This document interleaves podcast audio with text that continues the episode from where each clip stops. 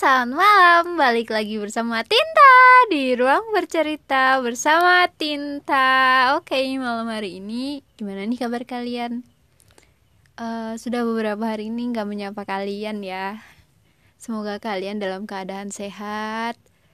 Jangan lupa jaga kesehatan Karena akhir-akhir ini cuaca lagi gak menentu. Kadang-kadang lebih sering hujan sih. Dan semoga kalian terhindar dari hal-hal yang tidak diinginkan ya. Jangan lupa bahagia. Oke, okay, malam hari ini aku ada topik pembahasan yang menurut aku mungkin relate untuk kalian, bisa juga relate banget sama kalian. Jadi gini, topiknya itu tentang perihal kecewa ada beberapa hal dalam hidup yang kadang nggak sesuai sama ekspektasi kita. Kadang juga ada beberapa hal dalam hidup yang notabene kadang-kadang tuh meleset banget dari ekspektasi kita. Ada rasa kecewa yang menggebu-gebu, ada rasa kecewa yang pengen dihantam gitu saja. Misal kayak di suatu hari kamu merasa seneng banget terus tiba-tiba ada orang yang bikin kamu marah ada orang yang bikin kamu kecewa sakit hati. Sampai kamu ngerasa ini kenapa ya? Tuhan lagi kasih skenario apa sih buat hidup aku sampai harus kecewanya sampai sesakit ini sampai sepatah ini sampai se sampai nggak bisa diomongin pakai kata. Kalian pernah ngalamin hal kayak gitu nggak? Kalau pernah nanti sharing ya. Karena gini guys. Rasa kecewa yang tiba-tiba rasa bahagia yang datang secara tiba-tiba rasa sedih rasa patah hati rasa dan rasa-rasa lainnya itu hadir dalam hidup kita untuk menjadi pembelajaran apa pun itu kita ambil hikmahnya. Apa sih da hikmah dari bahagia rasa bahagia terus tiba-tiba sedih terus tiba-tiba kecewa lagi?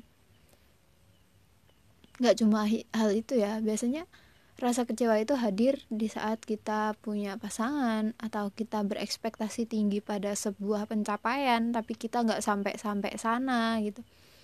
Itu biasanya kita ngerasa kayak ini Tuhan lagi ngasih jalan model apa sih ke kita kok sampai sesakit ini gitu. Sampai kok bisa sekecewa ini? Apa ekspektasi kita yang terlalu tinggi? Apa padahal kalau dipikir-pikir kita udah mengantisipasi untuk hal itu nggak terjadi. Kita udah mengantisipasi kalau hal itu jangan sampai terjadi. Tapi masih aja loh kayak masih aja ada yang bikin kita merasa ini apaan sih? Ini ini kenapa bisa terjadi kayak gini sih? Dari awal kita udah ngewanti-wanti jangan sampai nanti kejadian kayak gini kayak gini. Tapi di hari H di saat something itu datang di saat something itu ada tiba-tiba gak sesuai sama ekspektasi kita Padahal di hari-hari sebelumnya kita udah ngewanti-wanti, kita udah mengantisipasi dengan berbagai hal yang itu nggak mudah. Itu satu bahkan kita tuh mikir satu sampai sepuluh kali untuk hal itu. Tapi nyatanya nggak sesuai sama ekspektasi awal kita yang kita berpikir bahwa ini akan jadi pencapaian terbaik sih dalam hidup tapi nyatanya Tuhan gak ngasih kita itu. Tuhan malah ngasih kita rasa kecewa. Tuhan malah ngasih kita kayak gak sesuai ekspektasi kita. Tapi apa sih yang bisa diambil dari hal itu? Kita bisa belajar bahwa jangan pernah berekspektasi pada siapa pun. Jangan pernah lupa atau jangan pernah kasih kendor untuk saling mengingatkan ke orang lain misal kita kecewa karena orang lain.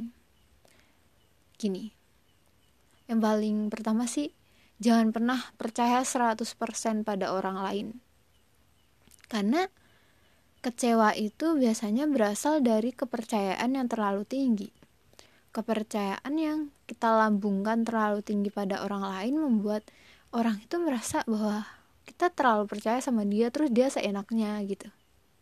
Itu biasanya terus kalian juga harus menyadari bahwa kita nggak bisa percaya sepenuhnya sama orang lain. Bahkan sekalipun orang itu udah deket banget sama kita kita nggak bisa percaya sama mereka. Bukan karena kita orangnya nggak enakan atau tahu gimana ya. Karena semakin kita percaya sama orang semakin besar pula kesempatan dia buat bikin kita kecewa kayak beberapa hari yang lalu sempat ngerasa kayak kecewa banget sama orang padahal kenal udah cukup lama tapi nyatanya dia juga tetap aja nggak paham sama kita.